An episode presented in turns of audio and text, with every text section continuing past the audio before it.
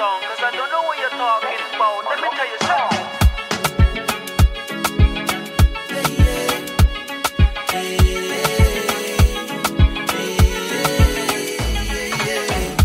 Als wij het heel even mogen hebben over corona. Hè? Heel eventjes maar. Want iedereen is er wel klaar mee. En er dan nog eens uitgebreid over te praten? Laten we dat niet doen. Maar corona. Een woord dat nog bekender is dan grote merken zoals Nike, McDonald's of Apple. Corona heeft een invloed op jou, op mij, op elk levend organisme. Goed of slecht. We leven in een tijd waarbij de gebruikelijke afleidingen niet meer beschikbaar zijn. De borrelavonden zal je anders moeten inrichten. De voetbaltrainingen die voor stevige verbindingen kunnen zorgen, zijn er voor velen niet. De bokzak in de sportschool om jouw frustratie op los te slaan en te schoppen, ze zijn niet beschikbaar. Spelletjesavonden met vrienden zijn korter, want ja, voor 9 uur moet je thuis zijn. En niet te vergeten de spanning in huis die op knappen staat. Het is niet altijd even makkelijk om een bepaalde kortsluiting bij jouzelf te voorkomen. Hé, en als het aan onszelf ligt, dan doen wij gewoon hetgeen wat wij willen doen. Toch? Maar helaas, sommige dingen zijn ook gewoon onmogelijk om te doen. Andere dingen zijn wel mogelijk om te doen, maar daar zijn weer bepaalde consequenties aan verbonden. Ben je boos? Op wie? Op de overheid? Op Mark Rutte? Of op Hugo de Jonge? Dat zijn de mensen die ons helaas niet het nieuws geven waar wij op hopen. Wat de reden is voor deze maatregel is voor iedereen wel bekend. Of het klopt wat ze zeggen is een andere discussie. Maar ja, het maakt mij boos. Boos omdat ik het gevoel heb dat mijn vrijheid wordt ontnomen. Boos omdat de muren thuis op mij afkomen. Boos omdat ik een sociaal dier ben en daarom van fysiek contact hou en het ook nodig heb. Maar waar komt die boosheid nou vandaan? Ben ik boos omdat iets of iemand niet aan mijn verwachting kan voldoen? Die boosheid, oftewel woede. Zit daar niet iets onderliggend? Want als verdriet je primaire emotie is, dan is woede een secundaire emotie. Hm. Ik wil jullie luisteraars graag meenemen naar een tijd dat woede vrij overheersend was in mijn leven. Opgegroeid in Slotermeer, een wijk in het westen van Amsterdam waar ik samenwoonde met mijn moeder, mijn vader en mijn broer die een andere vader heeft. Toen ik ongeveer zeven was, zijn mijn ouders gaan scheiden. De meningen en de denkwijzes van mijn ouders over het leven, ja, die lagen veel te ver uit elkaar. En met geen mogelijkheid zou dit ooit dichter naar elkaar toe kunnen groeien. Voor vele kinderen is dit een verschrikkelijke tijd. Je bent 50% van je vader en 50% van je moeder. En ja, dat kan op dat moment voelen alsof een deel van jou wordt afgewezen. Maar dat was niet zo in mijn geval. Want ik heb geen herinneringen van twee liefhebbende ouders die blij waren met mijn komst. Dus het afgewezen gevoel was er al ingeslopen. Eigenlijk dacht ik yes. Minder spanningen in en rondom het huis. Maar niks was minder waar. Mijn moeder kreeg geen support van de vader van mijn broer. En emotionele support van mijn vader kreeg ze ook niet meer. Wat meer dan begrijpelijk is. En dat heeft een behoorlijk effect op een moeder die er in het huishouden alleen voor staat. Woede heeft dus ook een hele grote rol gehad in de thuissituatie. Maar af en toe kon ik daaraan ontsnappen. Ik had mijn bijbaantje bij de Albert Heijn. Ik had mijn voetbal enkele keer in de week. Ik had mijn vrienden, school.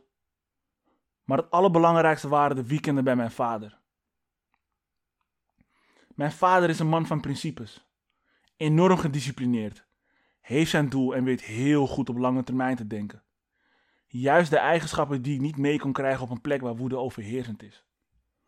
Laat me wel vooropstellen dat elk mens een persoonlijkheid heeft ontwikkeld, dat wij het ego kunnen noemen, vanwege bepaalde omstandigheden. En in elke levensfase waar jij je als persoon in bevindt, kunnen daar bepaalde persoonlijkheden bij passen. En bepaalde persoonlijkheden ook niet. Misschien ontdek je momenteel dat er mensen in jouw omgeving zijn die nu bij je passen en een paar jaar geleden niet. Of kom je tot de ontdekking dat de mensen die een paar jaar geleden bij jou pasten, nu niet zoveel meer toevoegen in jouw leven? Tot mijn zestiende woonde ik samen met mijn moeder en mijn broer. De woede was dagelijks voelbaar. De woede werd dagelijks op mij afgereageerd, fysiek en emotioneel. Ik was fysiek niet sterk genoeg om tegen mijn broer in te gaan. Ik weet ook dat als ik een poging ga wagen om wat terug te doen, dat de klappen harder terugkomen. Ik heb woede. Mijn woede heb ik nooit fysiek geuit richting mijn moeder of richting mijn broer. Daar had ik andere manieren voor. En helaas ging dat ten koste van enkele dingen in het huis. Een raam dat ik kapot trap. Een deur waar ik met mijn volle kracht doorheen sla. Geen traan die de woede in het huis kon verminderen. De woede in huis werd groter. En groter. Want de alleenstaande moeder kan het niet permitteren om in een huis te leven met woede, frustratie en dan ook nog eens vernielingen. Door al mijn agressieve uitingen op materiaal heeft mijn moeder besloten dat ik bij mijn vader moest blijven. Bij mijn vader had ik de warmte en de vrijheid die voor mij alleen bekend waren in de weekenden. En daar genoot ik nu vaker van, maar niet altijd.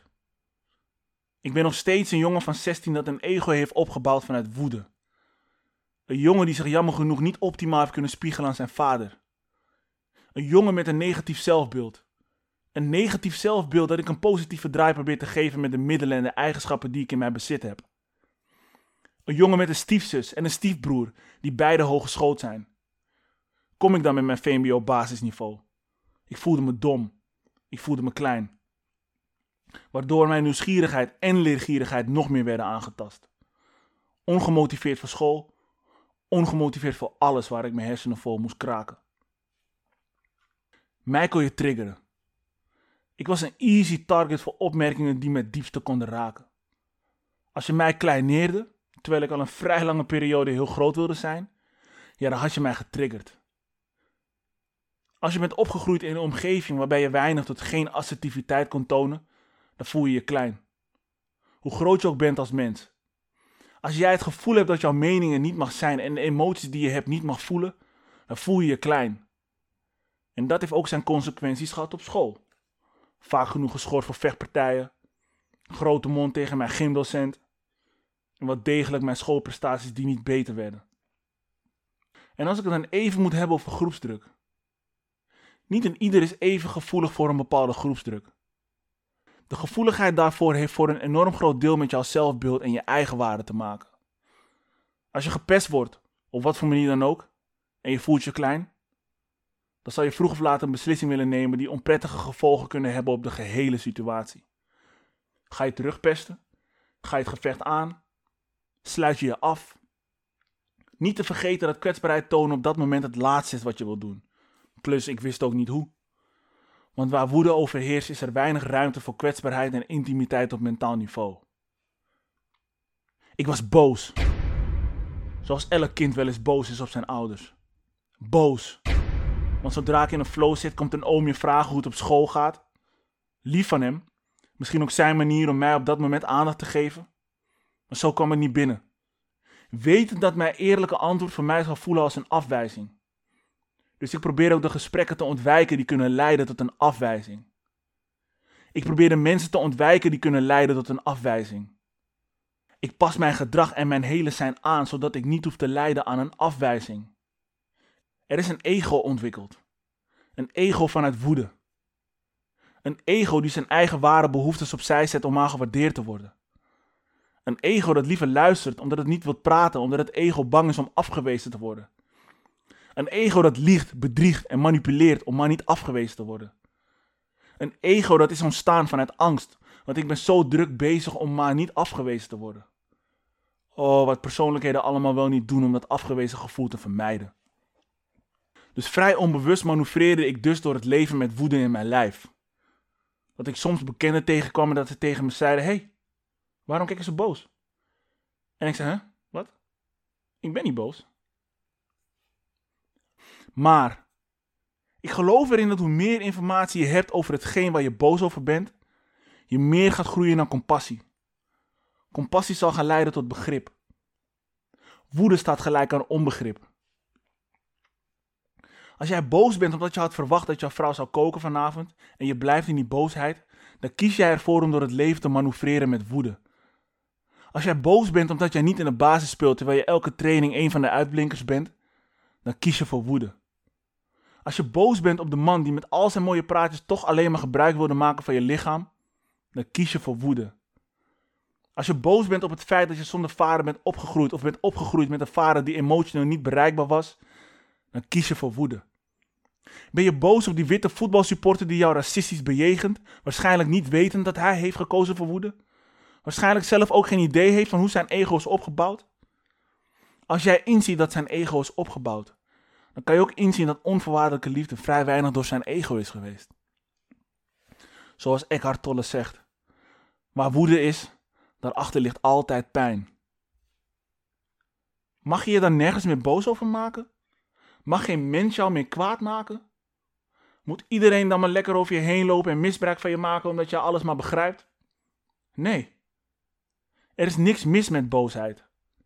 Maar geef het even. Voel je woede.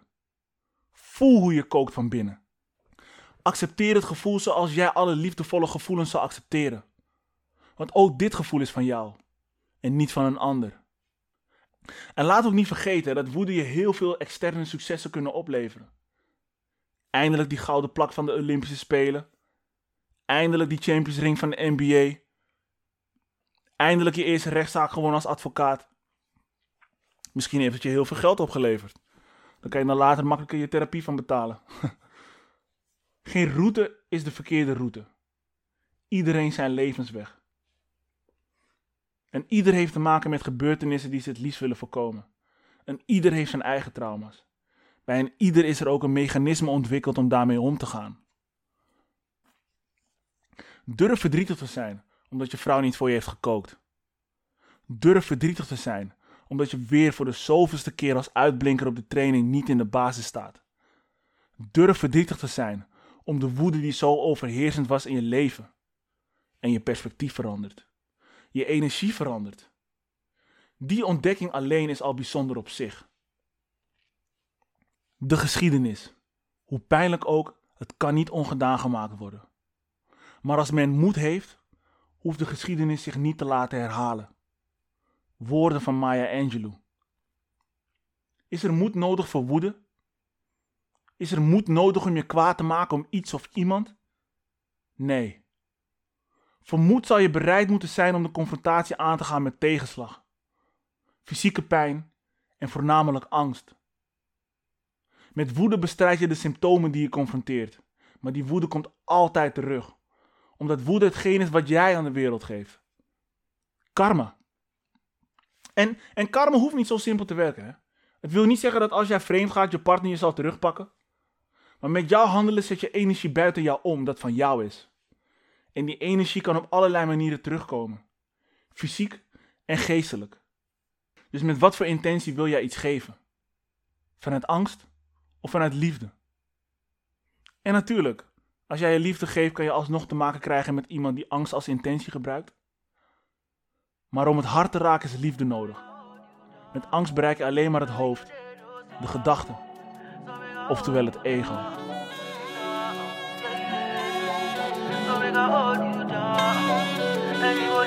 matao